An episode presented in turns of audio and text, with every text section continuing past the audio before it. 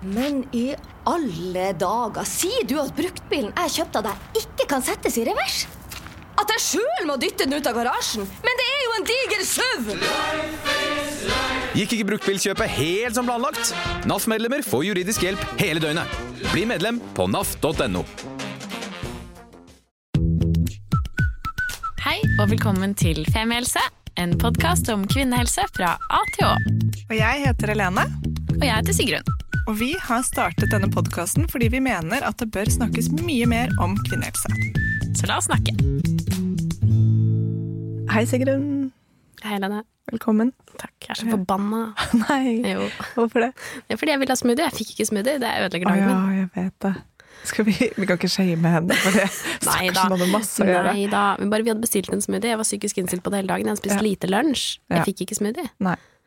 Men har det Jeg bare setter tonen for podkasten. Ja, sånn er det. Jeg skal snakke sånn her. Ja. Hele podkasten. Ja, bra. Men vi fikk en gratis kambodsja, og du har nå fått en sånn Pogen kardemommebolle. Ja da, den var god, den. Ja. Nei, men jeg skjønner det er livet tar og livet gir. En annen ting som livet har tatt fra meg, er uh, Jeg er nå nasal på tredje uken. Jeg hører det. Ja, jeg er tett i ganen. Det er en ny form for tetthet. Mm. Har du den? Uh, om jeg har, Har du opplevd det noen gang? Ja, ja. Ganetetthet? Ja, ja. Det Det er ikke jeg. gane, den er ikke spaltet, den er bare tett. Ja. Hvorfor tror du det? Nei, det er en forkjølelse som beveger seg da, rundt i hjernen. Ja. Plutselig kommer det snørr ut av tissen, for eksempel. Eller, ja. Mm. Forskningsbasert, det du refererer til det. ja. Det meste jeg refererer til, er forskningsbasert. Men har du prøvd sånn neshorn? Nei. Det burde du gjøre. Jeg Jeg føler at jeg kan skille det ut. En sånn som video på TikTok. Jeg nemlig begynt å gi meg selv sånn eh, 15 minutter med sånn TikTok-scrolling i gave. Mhm. eh, for eksempel hvis jeg har lagt et barn eh, som jeg har laget, eh, så er jeg sånn åh, shit, nå skal jeg kose meg, liksom. Um, og da så jeg en mann som holdt liksom barnet sitt, som var kanskje sånn seks måneder, sånn hardt fast under vasken. Så ble jeg sånn å gud, det så liksom veldig voldsomt ut. Mens han liksom skylte nesen til dette barnet, og det kom altså ut snørr på størrelsen med en ja, mediumstor kanelbolle. Det var veldig interessant. Oi. Ja. Jeg har ingen kommentar til det. Det er bare alt jeg vil si. Oi! Ok, ja, men, eh, Men da fikk jeg ikke så lyst til å prøve selv. Det var mer det. Da ble da jeg sånn foreslår jeg at jeg holder deg hardt under vasken og skyller deg ut, så ser vi hva som kommer ut. Og så filmer vi det og legger det ut til alle dere lytterne. Er det nå vi skal booste TikTok-karrieren vår? Ja, endelig. Spennende. Mm. Og du, da? Jeg, eh, jeg har det veldig bra. Mm. Våren er kommet, spring has sprung. Ikke forbanna? Ikke forbanna. Jeg, Riktig sted i syklus, med andre ord. eggløsning, nymåne, våren er kommet. Ja, ok. Ja. Det er jo det som påvirker deg mest. Absolutt. Ja. Mm. Og alt annet, da. Men eh, nei da, jeg har det veldig fint. Jeg har det happy. Det er jo litt deilig, da, for jeg er alltid sånn hipster hipster det går bra. Mm. Uh, og så er du Det er i hvert fall ditt image. Ja, Det er det du sier. ja, det er ikke sant. Nei. nei, nei, men jeg presenterer det sånn. Men derfor er det litt deilig å presentere en ny side av meg selv. Ja, Ja. Som er ganetett. Ja langt nedi grøfta. Forbanna tett. Ja. Nå skal jeg skjerpe meg. Skal vi, mm, eh, jeg skal prøve å introdusere gjestene våre på en hyggelig måte. Skal jeg gjøre det? Ja. Eh, For vi sitter jo ikke her alene i dag. Vi har heldigvis med oss to gjester, for i dag skal vi snakke om hjernerystelse. For å snakke om det, så har vi to gutter som faktisk har en egen podkast om hjernerystelse, som heter Skallebank. Lars Martin og Narve, velkommen til oss. Hei. Hei sann, takk. Veldig hyggelig å ha dere her i dag. Veldig hyggelig å få komme. Ja, veldig. Ja, Så bra. Hvor er dere i syklusen? Jeg har Mansen hver dag. Ja. Nei, det er ikke godt å si, altså. Nei, Det er sånn midt på dagen-syklus for dere. Ja. Klokka tre-syklusen. Sånn midt i vårslepp. Vi var satt ute her og tok en kaffe før vi kom inn, så det var jo første utekaffen for meg egentlig i år. Ja. Deilig. Ut, utekaffe, det, det er veldig sånn pappagreie å si. Ja. Det er ikke utepils lenger, det er Nei. utekaffe. Utebolle, utebål. Man tar det man får. Ja, ikke sant? Kan ikke dere fortelle litt om eh, bakgrunnen deres og det dere jobber med? Veldig spennende saker. Ja, um, jeg er eh, osteopat og fysioterapeut, um, så jeg har bakgrunn for å jobbe innenfor muskel og skjelett og mye med idrett.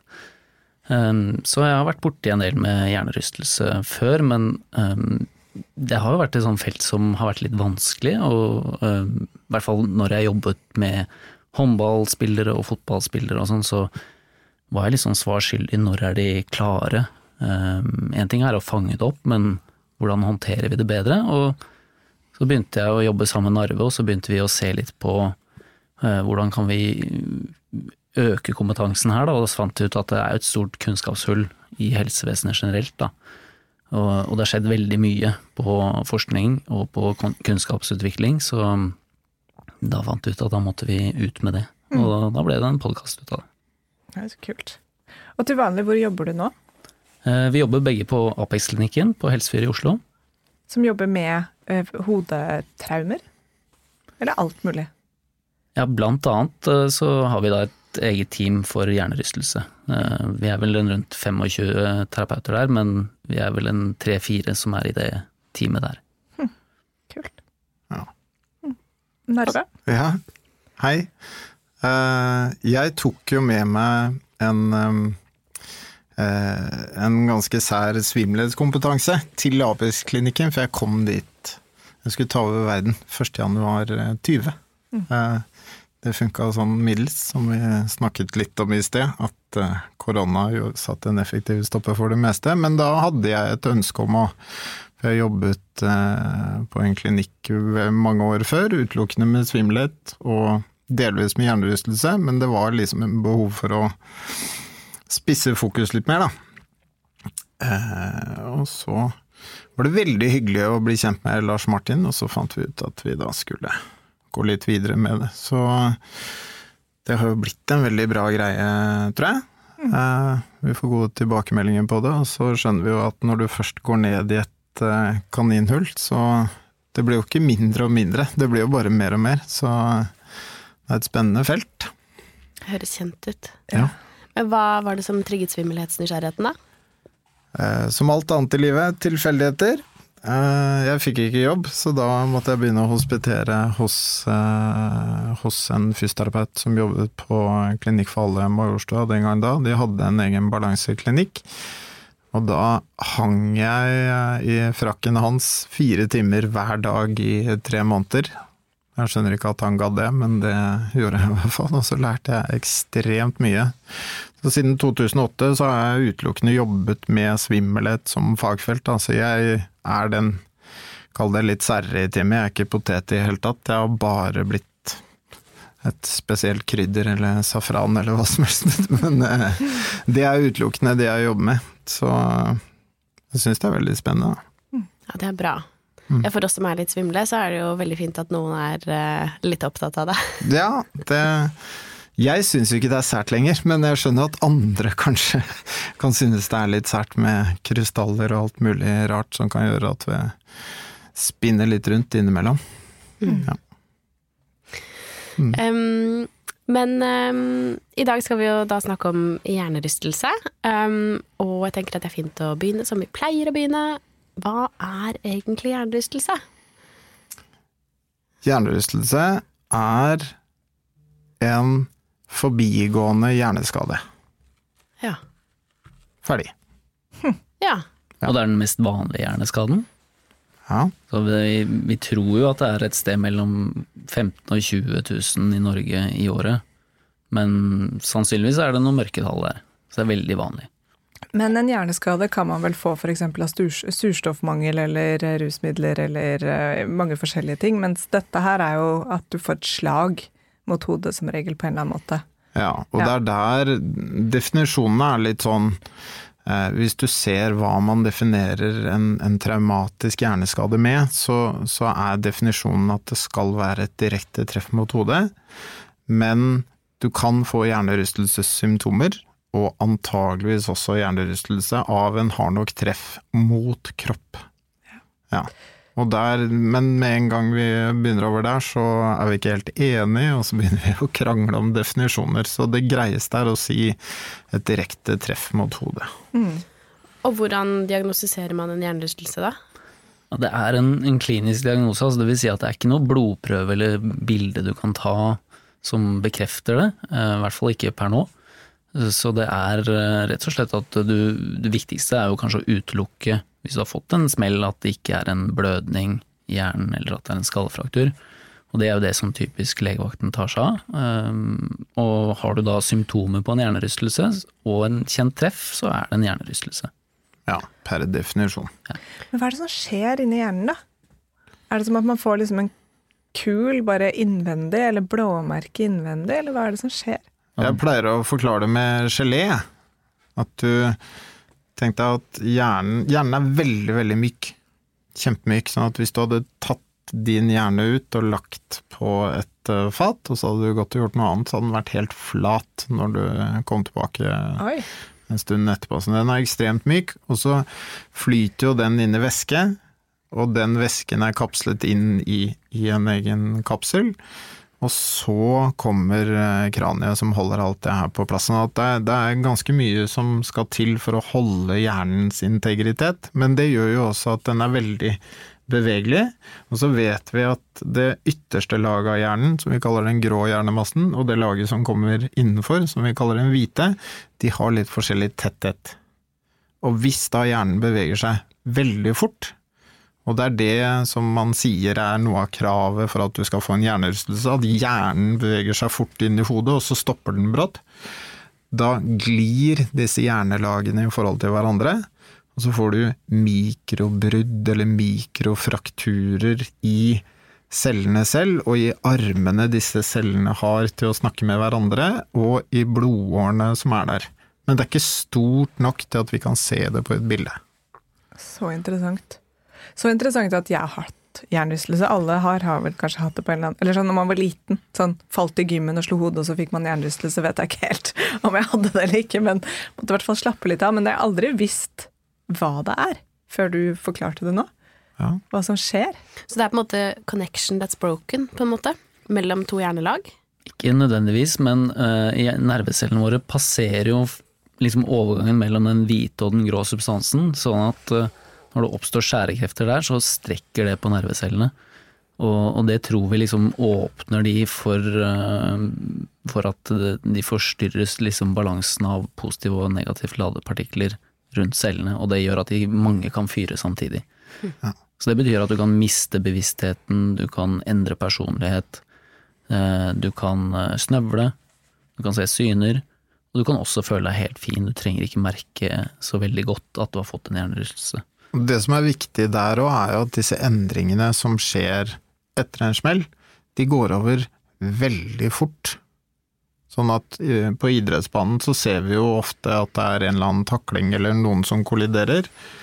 Og, hvis det ikke har vært noe besvimelse, så er det kanskje noen som reiser seg opp og rister litt på hodet, eller en hockeyspiller som sliter litt med å ta to skøytetak, men så ser vedkommende plutselig normal ut før han har kommet til innbytterbenken, eller før dommeren setter i gang fløyta, eller Og det gjør jo at, eh, at det kan være litt vanskelig å få med seg i akuttfasen, fordi symptomene gjerne kommer etterpå. Ja, ikke sant?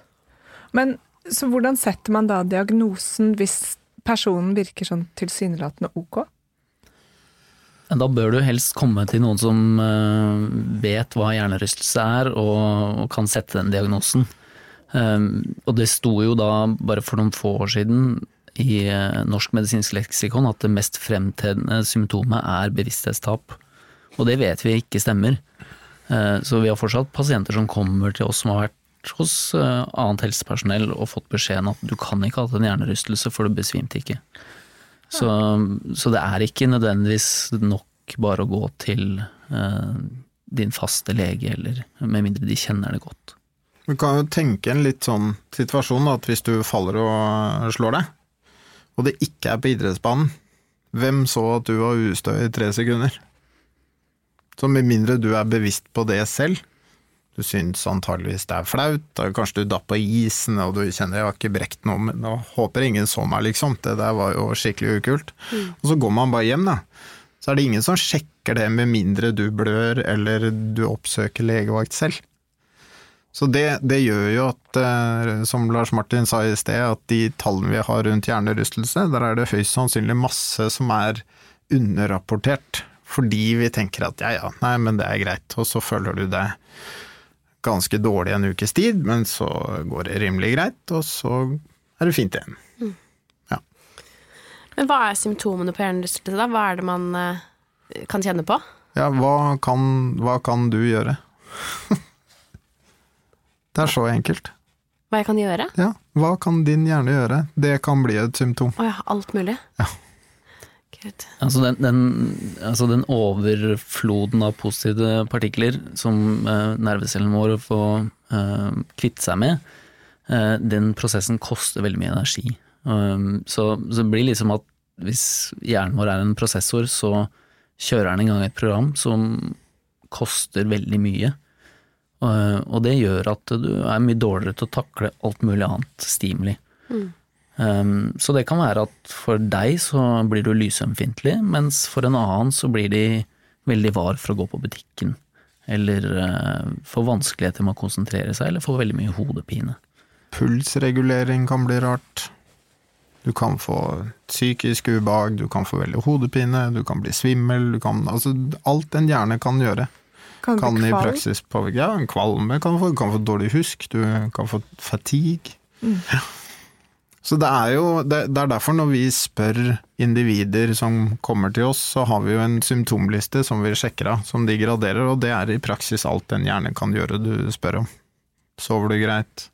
Har du vondt i hodet? Har du trykk i hodet? Er du svimmel? Er du ustø? Sliter du med å huske? Har fastlegen den samme sjekklisten? Den ligger jo åpent og tilgjengelig, men jeg tviler litt på det. Ja.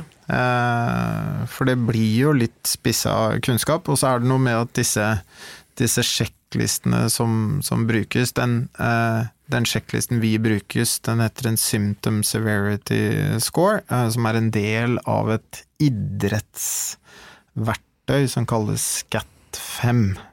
Og den ligger gratis på nett også, på Ja. norsk, så den kan alle finne fram. Men igjen, da. Idrettsverktøy. Så hvis du ikke har en idrettslege, hvorfor skulle han ha idrettsverktøy i skuffen? Mm. Så det kan være et problem. Så da hvis man på en måte er bekymret, hvis man vet at man har hatt et, et, eh, et eh, slag mot hodet, da, og man tenker at det der var ikke bra, og jeg føler meg ikke som meg selv, hva, hva, er vei, hva gjør man da? Hva er deres tips liksom, den første uken da, etter et slag mot hodet? Hva ville dere gjort da? Skal man oppsøke lege, for eksempel? Hvis du er usikker på at det kan være noe alvorlig, så bør du definitivt oppsøke en lege. Ja. Um, Er du usikker på om du bør det, så kan du ringe til legevakten og så si hva har skjedd. Så kan de si ok, dette går nok bra, eller du bør komme innom. Mm. Det er ikke feil å ringe og, og spørre om råd, altså. Heller en gang for mye enn en gang for lite. Men hvis du har en hjernerystelse, så er det lov å ta det med ro i 48 timer. Men så fort de 48 timene har gått, så bør du begynne å nærme deg tilbake til den hverdagen du skal ha. Det betyr at du må begynne å bevege deg, begynne å oppsøke mm, stimuli som, som lys og skjerm og lyder. Eh, kanskje i passende mengde. Ikke gå tilbake for til jobb nødvendigvis, men du må begynne å stimulere hodet. Hvorfor det? Hva skjer hvis du ikke gjør det? Du må ikke spørre oss spørsmålene, vi kan ingenting! Nei, men jeg tenker, hvis, hvis du setter deg selv i et mørkt rom, Ja. du er frisk, sett deg selv i et mørkt rom, er det behagelig å få lys i øynene etterpå? Nei. Nei, nei, nei. Dette er superinteressant. Så det, så for jeg ville tro at, at dere kom til å si sånn det viktigste er at man hviler kjempemye kjempelenge. Men det er det motsatte. Nei, og det du sier der er faktisk en risikofaktor for å utvikle langvarige plager. Og det er jo det vanligste rådet folk får. Ja, altså mine som lenge, får hvil deg frisk, ikke sant? ja, For mine venninner som har hjernerystelse, de har fått den. Må bare slappe av litt. Ja. Ja, Trenger bare å hvile sånn- mer, du har ikke Ja. hvilt nok, du har vært dårlig til å hvile. Ok, men da det går 48 timer, um, og jeg kjenner at det, det har det ikke så veldig bra.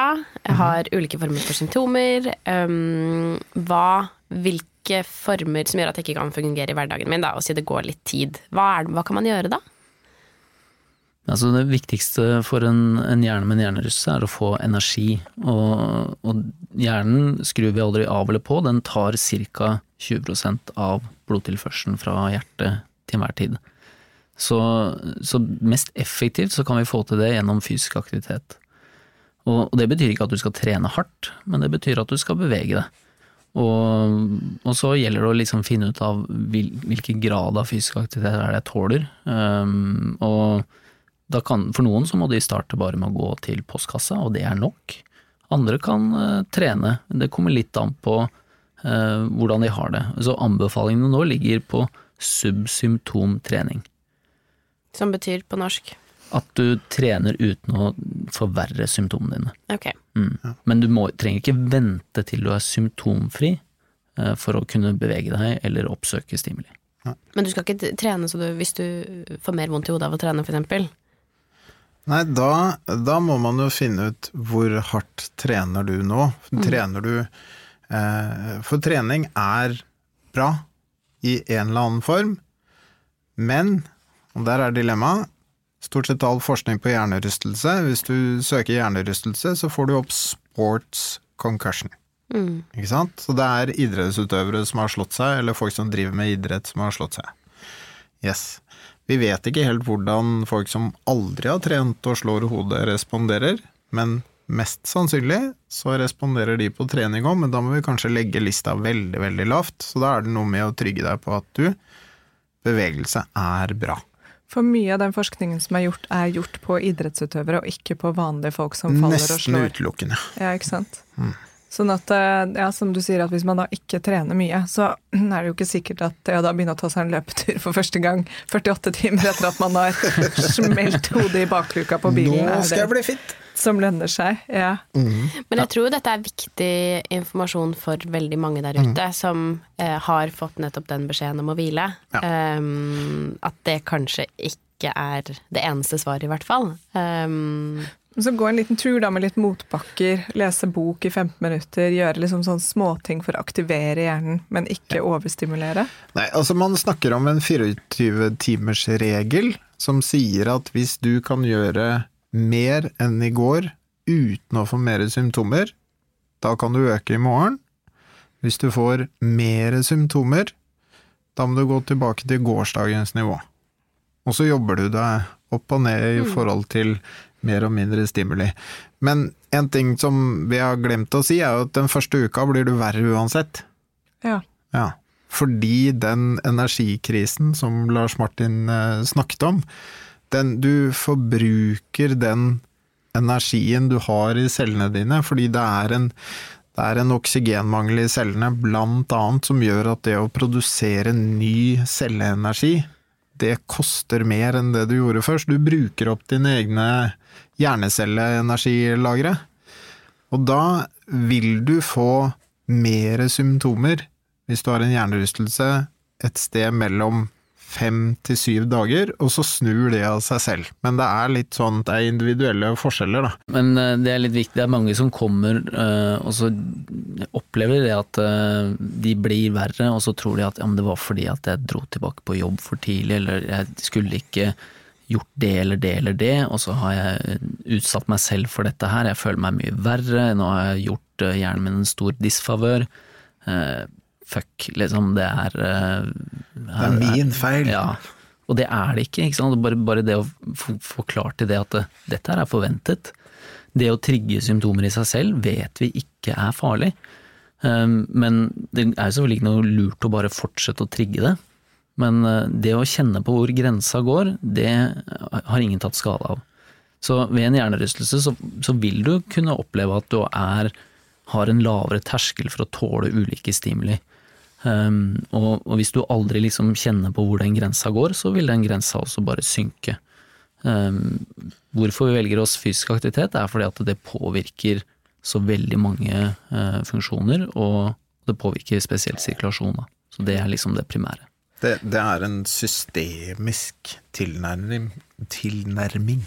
Uh, altså, alt som kan påvirke hele systemet, det, det er et veldig lurt sted å begynne. Da, ikke sant? Og fysisk aktivitet påvirker hele deg. Det fjerner avfallsstoffer, og det er med på å bidra til normalisering av energi. Så det er et, det aller beste stedet å begynne, men det er ofte det stedet vi sist oppsøker tradisjonelt sett. Så det er jo noe av det vi prøver å formidle i vår podkast òg, at det der med kjelleren i rehabiliteringshuset, ut ifra hva vi vet av den forskningen som foreligger i dag, det er å komme i gang med fysisk aktivitet og gradere hva du gjør, sånn at du holder deg rett under en økning av symptomer, men at du allikevel kjenner at du lever og prøver å gjøre litt mer.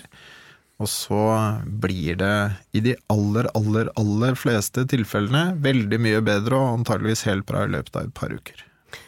Nå sier du et par uker, men hva er Går det an å si noe om vanlig sykdomslengde? Er det et par uker? Ja. 70% blir bra i løpet av 10-14 dager, eller symptomfrie. Um, og så har vi jo data som tyder på at prosessen bak den tar litt lengre tid, selv om du er symptomfri. Uh, Men så mange som 30% har symptomer i mer enn fire uker. Så det er ganske vanlig å ha et det vi mange tror er et forlenga forløp. To til fire er liksom safe, da. Og jo yngre du er, jo, jo lengre tid pleier det å ta. Sånn at det er Ja. Hos barn så sier vi at fire er mer enn normalt, men hos voksne sier vi at to er litt mer enn normalt. Er det noen forskjell mellom kjønnene her?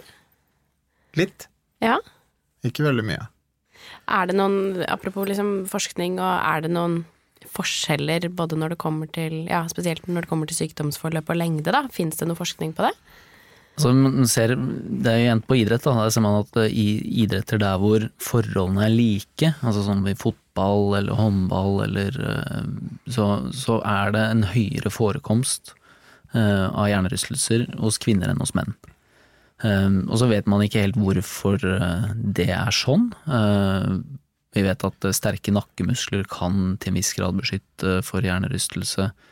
Um, og så har vi noen data som indikerer at eh, kvinner eh, rapporterer høyere symptombyrde initielt, men det fører ikke til noe lengre forløp. Nei. Så vi vet ikke om det er fordi at eh, man rapporterer symptomer annerledes enn eh, gutta, eller eh, Men eh, ja, hjernen til dere jenter er jo annerledes på over 100 måter enn oss gutta, så at det har noe å si, det, det kan nok være. Kanskje også fordi man Vi slapp en episode i dag om det tredje skiftet. altså det, det, alle de usynlige omsorgsrollene, eller eh, oppgavene som blir utført veldig ofte av kvinner. da. At eh, loaden kan være større på mange kvinner.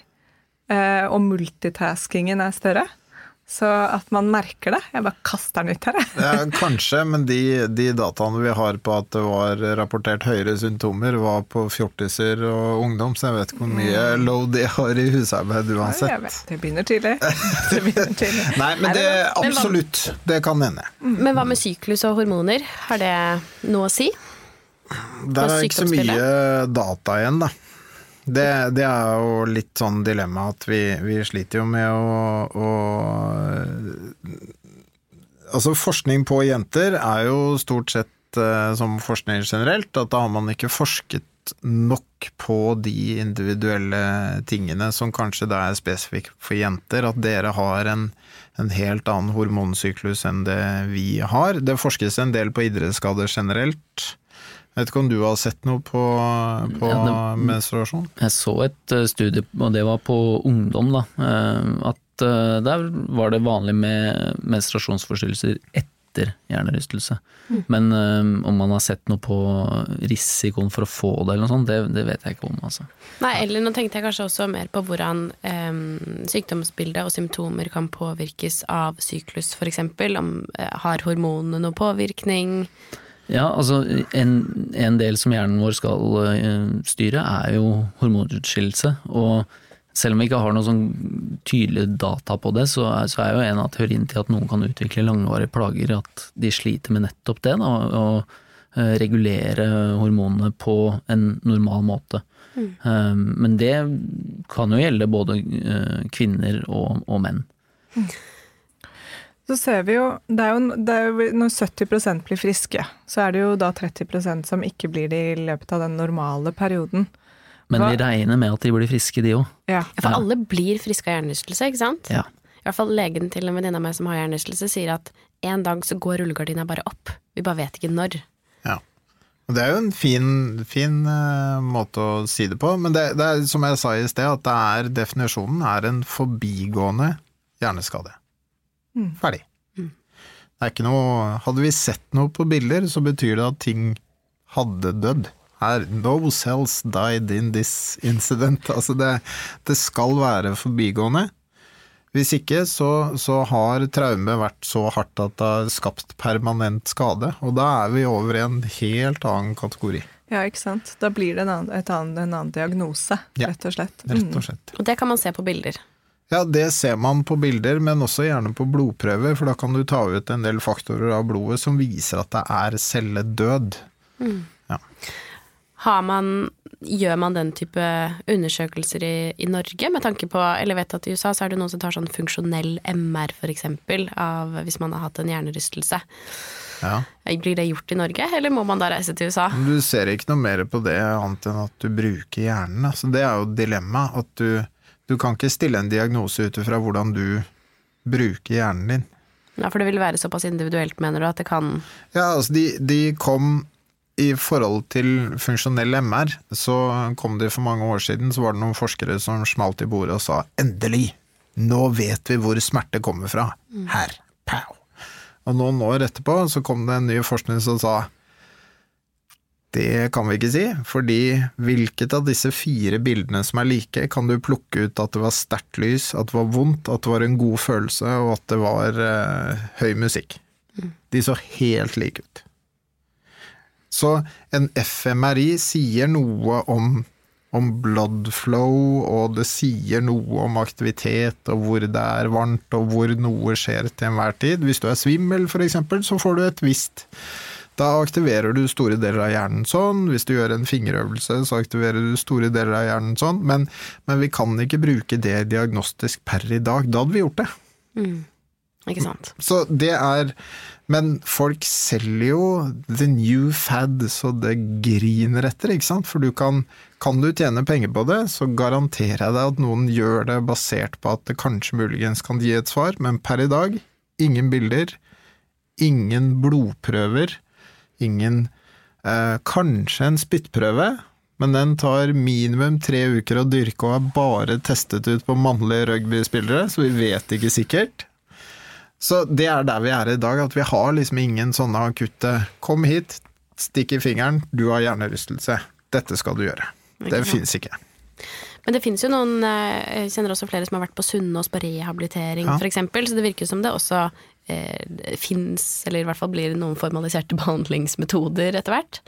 Ja da, eh, altså det er, det er ganske opplest og vedtatt hvordan vi skal gjøre det, igjen på idrettsutøvere. Og så har jo Sunnaas hatt et prosjekt eh, vi, vi hadde et intervju med en fysioterapeut og en, eh, og en psykolog som da eh, hadde et prosjekt der de så om de kunne endre på hvordan man akuttbehandler hjernerystelse. Eh, Jeg vet ikke om det har blitt publisert, vet du det, Lars Martin? Og det var et pilotstudie med 20 Ja, det var veldig lite. Så, men, men de er nå i hvert fall oppe og går, og de har et eh, tverrfaglig team der som følger opp de med langvarige plager. Ja. Uh, og dit sender vi Jeg sender Sten som jeg har henvist til nå, uh, via fastlegen. Der, der kommer du inn i et opplegg hvor du får snakke med en lege, en fysioterapeut, en psykolog og en sosionom.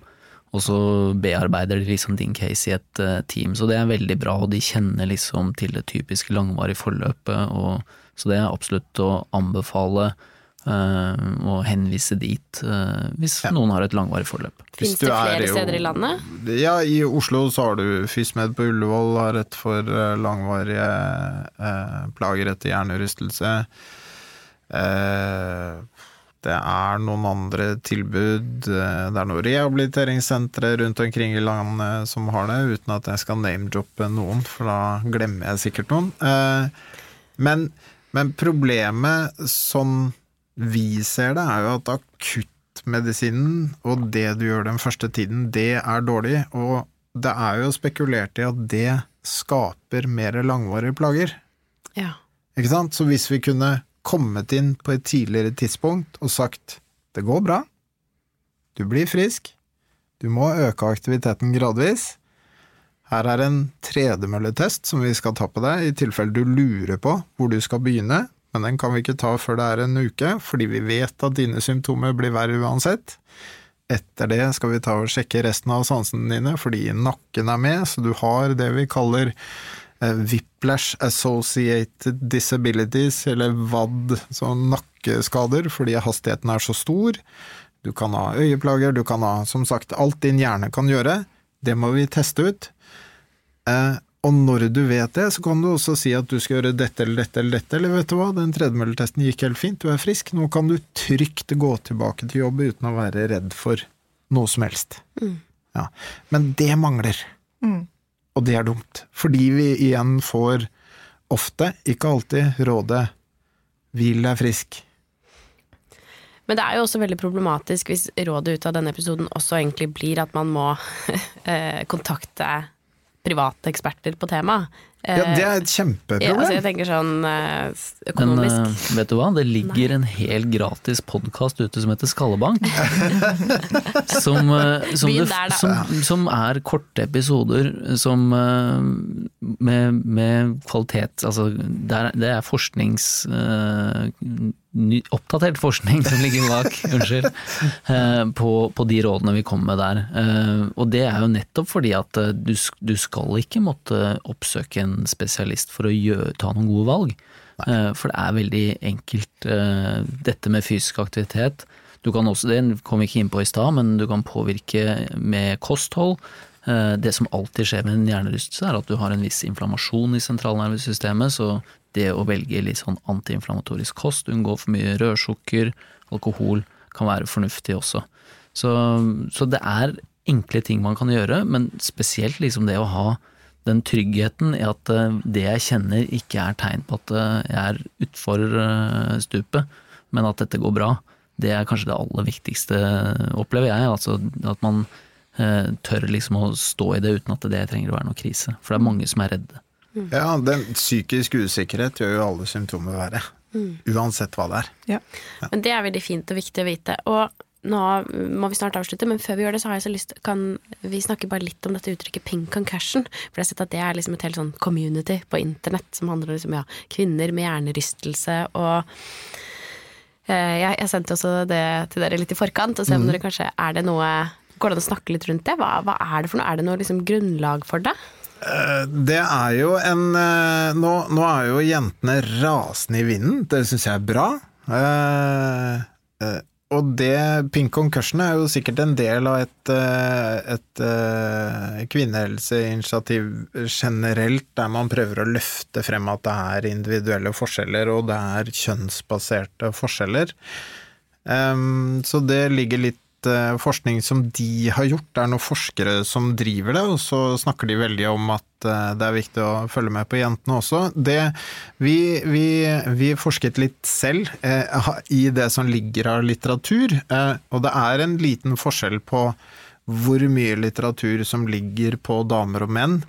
Det, det er ikke så gærent som jeg var redd for, men eh, Nei, det var jo nå i eh, oktober var det en uh, internasjonal kongress som uh, jeg fikk vært på, og, og da var liksom trenden det at nå har de vært flinkere de siste uh, fem, seks, kanskje ti årene på å se på jenter også, Ja. men det er fortsatt innenfor idrett, da. Ja. Så, så de henger fortsatt igjen, særlig på en del andre studier på militære, men også på sivile. Og det gjelder nok også eh, oss gutta, at det der mangler kunnskap. Men det på Pink Concussion så løfter de veldig frem at det tar lengre tid for jenter å bli friske, men når du ser på de studiene som har sett på tid, så ser man også at jentene bruker lengre tid på å si fra at de har en hjernerystelse.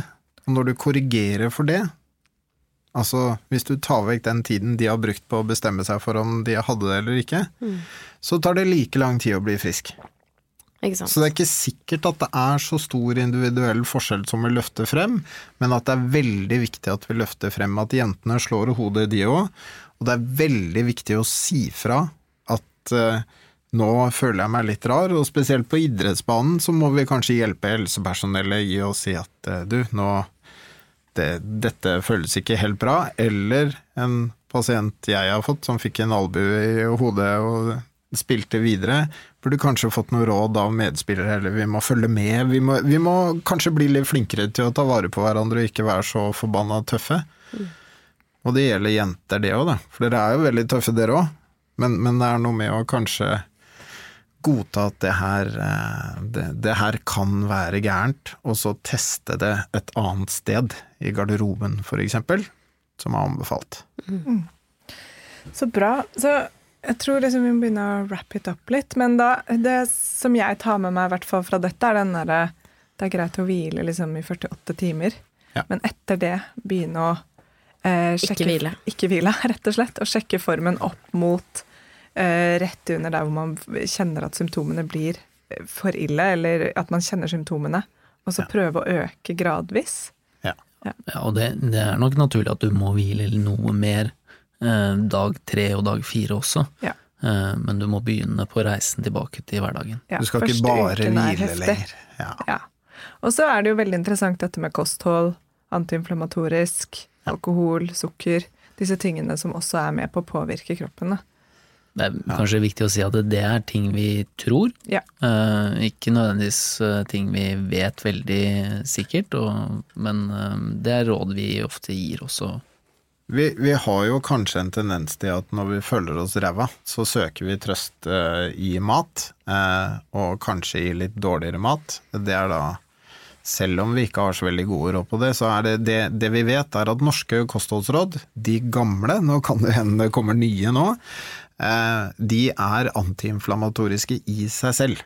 Sånn at måten de norske kostholdsrådene er bygd opp på, spiser du sånn denne uka der, så vet du at da får du i deg sunn mat som er bra for helsen. Ferdig. Ferdig. Bra. Tusen takk skal dere ha.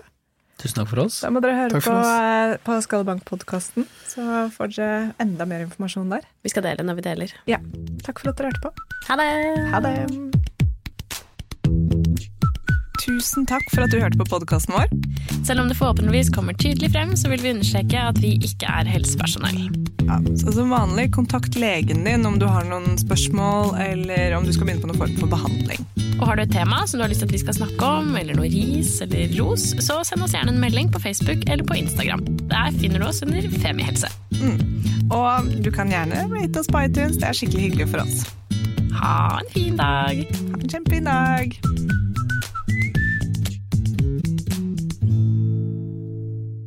Velkommen til Kjemperådet. Denne gangen har vi fått inn et kjempedilemma fra en familie. Jeg leser Hei, vi er litt uenige i familien her. Hvis du skulle vært et dyr, ville du hatt gjeller eller vinger? Oi, den er tricky. Ja, Hva ville dere hatt, da? Altså, jeg vet ikke, men Med familierabatt får du ubegrenset data fra Telenor fra 399 kroner. Da kan du scrolle seg til svaret, rett og slett. Ja, ok, Men for min del Ja. gjelder. Nei, nei, Gjelder. nei, vinger. Nei, nei, gjeller. Ja, okay, ja, Kjempebra. Men eh, se nye mobilabonnement på telenor.no, da.